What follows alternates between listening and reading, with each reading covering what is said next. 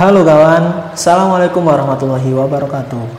Selamat datang di channel Bacain Bagi cerita inspiratif. Sebelum aku mulai Aku mau ngucapin terima kasih banyak kepada teman-teman yang sudah like, subscribe, dan share channel ini. Semoga kebaikan dari channel ini juga akan mengalir ke teman-teman semuanya. By the way, jadi di postingan pertamaku ini aku ingin mengangkat sebuah cerita tentang lahirnya agama Islam. Jadi kisah ini dimulai saat awal kali wahyu pertama itu turun. Dan saya menganggap menilai bahwa pada tahun itu adalah kelahiran sebuah cahaya. Kenapa demikian? Oke, langsung saja kita bahas. Jadi teman-teman sudah pasti paham bagaimana kondisi Arab sebelum Islam itu turun? Ya, pastinya sangat gelap.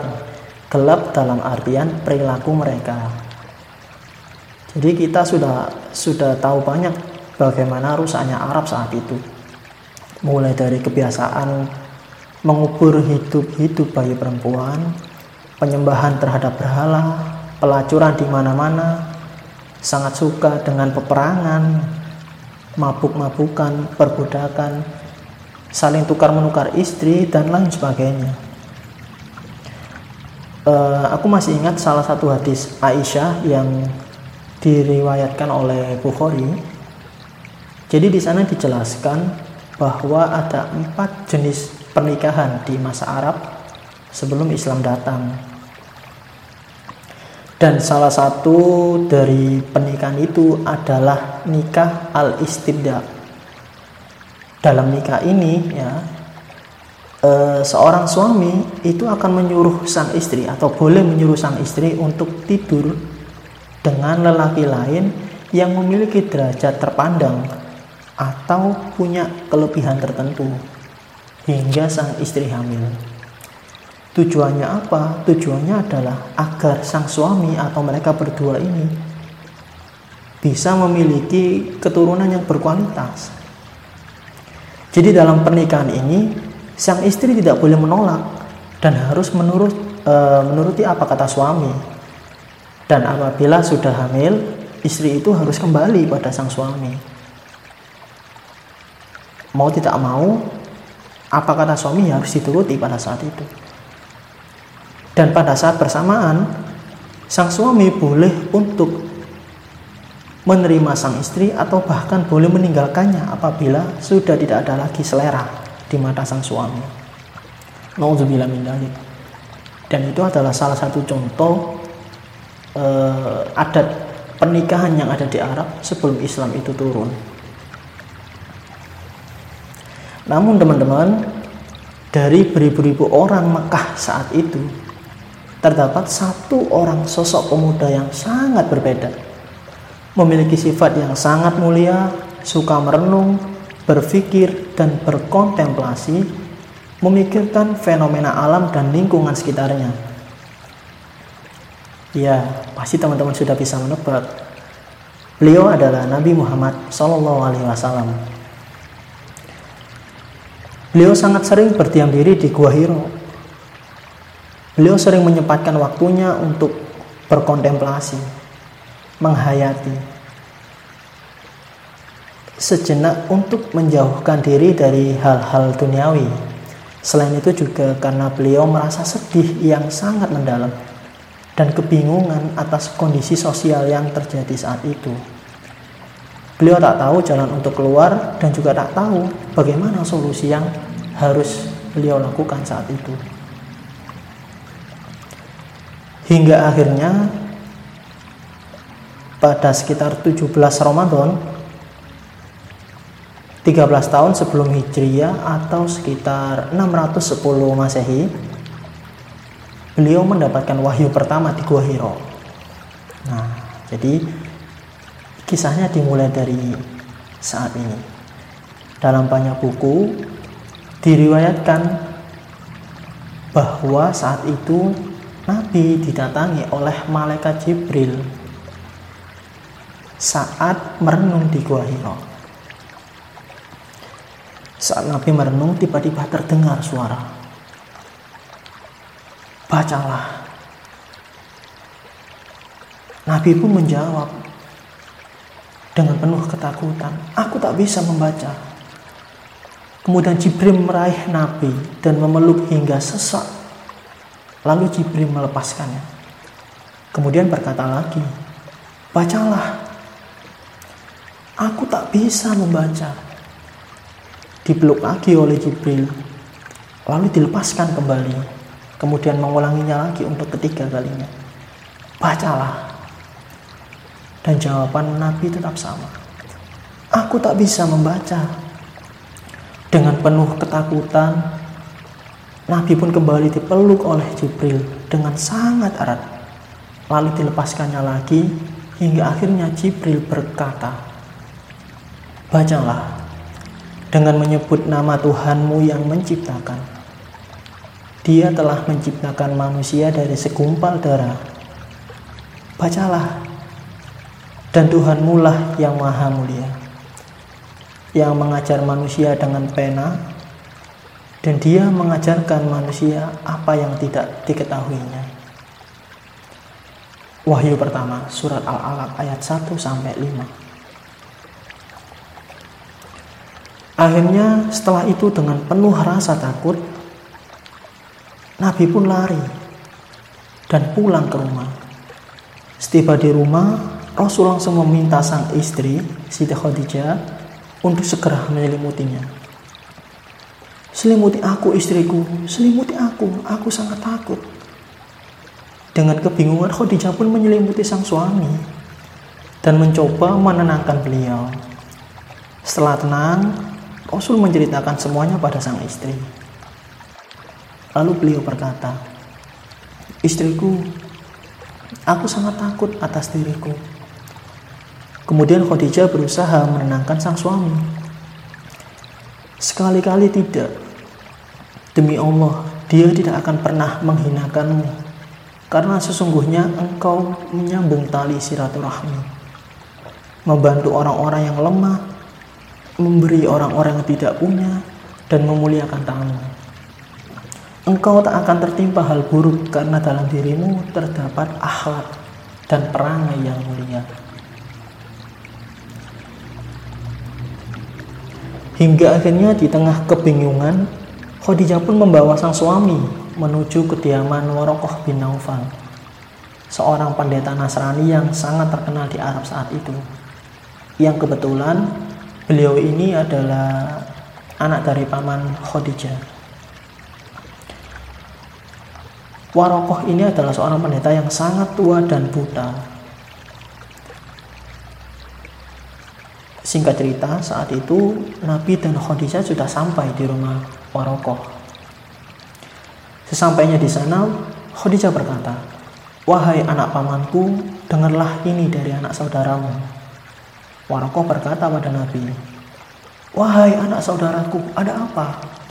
Apa yang kau lihat? Rasul pun menceritakan semua kejadian yang telah beliau alami. Dan Warokoh pun menjawab, Ini adalah Namus, ini adalah Jibril yang diturunkan oleh Allah kepada Nabi Musa. Seandainya di saat itu Aku adalah seorang pemuda yang kuat. Aku akan membelamu Muhammad. Seandainya aku masih hidup ketika kau mengusirmu. Dengan kebingungan Rasul pun berkata kepadanya, Apakah mereka akan mengusirku? Warokoh menjawab, Ya, tidak ada seorang pun yang membawa apa yang engkau bawa kecuali dia dimusuhi. Seandainya aku mendapatkan hari itu, niscaya aku akan menolongmu dengan pertolongan pertolongan sekuat tenagaku. Mendengar jawaban tersebut, Nabi tambah khawatir, takut dan kebingungan. Beliau tak tahu apa yang harus ia perbuat. Ia hanyalah seorang pemuda biasa yang terlahir dari keluarga sederhana dan sudah yatim piatu sejak kecil. Ditambah lagi, setelah itu wahyu tak lagi turun sampai berhari-hari. Hingga ada yang mengatakan wahyu tak turun selama berbulan-bulan. Maka wajar saat itu Rasul sangat resah sekali, kebingungan. Beliau tak tahu harus apa dan harus bagaimana. Setiap malam beliau mencoba kembali ke Gua Hiro. Dan ternyata petunjuk itu pun tak datang-datang. Hingga akhirnya di tengah kebingungan, Nabi pun merasakan hal yang luar biasa. Di suatu malam di tengah perjalanan dari Gua Hiro, Nabi ditemui oleh malaikat Jibril lagi. Dan karena takut, Nabi pun mulai bergegas langsung pulang ke rumah. Dan berkata pada sang, sang istri Siti Khadijah, Wahai istriku, selimuti aku, selimuti aku istriku. Dan saat di posisi berselimut itulah, wahyu kedua mulai turun. Hai orang-orang yang berselimut, bangunlah lalu berilah peringatan dan agungkanlah Tuhanmu dan bersihkanlah pakaianmu dan tinggalkanlah segala perbuatan yang keji. Dan janganlah engkau memberi dengan maksud memperoleh balasan yang lebih banyak. Dan untuk memenuhi perintah rohmu bersabarlah. Wahyu kedua pun turun setelah wahyu itu Nabi pun mulai paham maksud dari perkataan sang pendeta saat itu. Melalui wahyu ini tergambar jelas bagaimana beratnya beban yang akan dipikul oleh Nabi Muhammad Wasallam. Karena beliau diamanahi untuk membenahi moral orang Arab yang sudah sangat rusak di seluruh sistem. Tidak hanya di sosial, juga di pendidikan, di sistem ekonomi, dan lain sebagainya. Muhammad tahu yang dihadapi kelak tak hanya orang-orang biasa, tapi juga keluarganya, sahabatnya, teman-temannya, pemimpin-pemimpin besar Mekah, Madinah, Romawi, hingga seluruh dunia. Sungguh sebuah beban yang amat berat, bagaikan petir di tengah panas kerontang. Seorang pemuda biasa yang tak punya banyak harta dan kekuasaan, tetapi mendapatkan tanggung jawab seberat ini.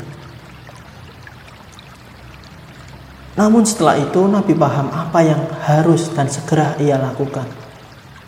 Ia harus bangkit dari tidurnya dan mulai berani untuk menyampaikan kebenaran-kebenaran dari Tuhannya. Dan tanpa Nabi minta, Khadijah, sang istri, menjadi orang pertama yang meyakini kerasulan beliau dan agama yang beliau bawa. Lalu diikuti oleh Ali bin Abi Thalib, saudara sepupu Nabi Muhammad yang masih berusia 10 tahun saat itu. Setelah itu beliau mulai lebih berani lagi untuk berdakwah ke saudara-saudaranya, ke para kerabatnya hingga ke sahabat-sahabatnya melalui pola dakwah yang awalnya sembunyi-sembunyi lalu secara terang-terangan akhirnya beliau mampu mengumpulkan asabiqun awalun yang kelak akan menjadi bibit-bibit untuk berdakwah ke lebih banyak wilayah saat itu. Teman-temanku sekalian, jadi itulah kisah singkat tentang wahyu pertama yang menjadi tanda kelahiran agama Islam. Lah kenapa saat itu, kenapa peristiwa ini saya sebut sebagai lahirnya cahaya? Karena dari lahirnya Islam ini benar-benar menerangi kondisi Arab yang saat itu sangat gelap. Perilaku-perilaku yang sudah tidak manusiawi berubah 180 derajat dengan adanya Islam. Arab yang saat itu hanya terkenal sebagai orang-orang yang dihormati oleh wilayah lain karena keberaniannya, karena pandainya dalam berdagang. Namun setelah Islam datang, orang Arab lebih dikenal lebih dari itu. Mereka dikenal sebagai sosok yang sangat bijaksana, sosok yang adil. Dan oleh karena itulah, kenapa saya menyebut bahwa lahirnya Islam merupakan lahirnya sebuah cahaya Dan sampai saat ini kita bisa merasakan bahwa cahaya Islam itu tidak hanya di Arab tapi juga di seluruh dunia. Bahwa Islam itu rahmatan lil alamin. Jadi dari kisah tersebut kita bisa melihat banyak pelajaran. Dengan waktu yang sangat singkat, tak disangka-sangka seorang pemuda biasa putra dari Abdullah bin Abdul Muthalib mampu mendapatkan puluhan bahkan ratusan ribu pengikut yang mana setelah itu jumlahnya mencapai 1,8 miliar pengikut sampai saat ini. Beliau mampu mengubah moral masyarakat Arab dan dunia menjadi lebih baik. Mengangkat derajat wanita dan budak menjadi lebih dihormati. Membangun sistem kehidupan yang adil dan seimbang mampu mempengaruhi pikiran banyak raja-raja untuk memeluk Islam, menginspirasi dan memotivasi banyak pemuda-pemudi dan orang tua untuk menjadi pribadi yang lebih baik ratusan bahkan jutaan tahun setelah beliau wafat. Dan semua itu beliau lakukan hanya dengan waktu 23 tahun. Wow, amazing sekali. Semoga sejarah singkat dari Nabi kita tercinta ini mampu memotivasi kita untuk senantiasa ingat tentang tujuan hidup kita. Selalu dekat dengan pencipta kita, menjadi pribadi yang optimis dan tak kenal lelah untuk terus berusaha dan berkarya di jalan kebenaran. Tak peduli siapa diri kita, berapa waktu yang kita miliki, siapa orang tua kita maupun siapa teman-teman kita. Kalau memang yang kita kejar, selama yang kita kejar adalah hal baik, maka tak perlu ragu. Contohlah nenek moyang kita, kakek kita, siapa? Nabi Muhammad Shallallahu Alaihi Wasallam. Semoga Allah senantiasa merahmati semua usaha kita, teman-teman sekalian dan usai sudah podcast bacain pada hari ini. Terima kasih buat kamu yang sudah mendengarkan podcast bacain perdana ini. Akhirul kalam. Wassalamualaikum warahmatullahi wabarakatuh.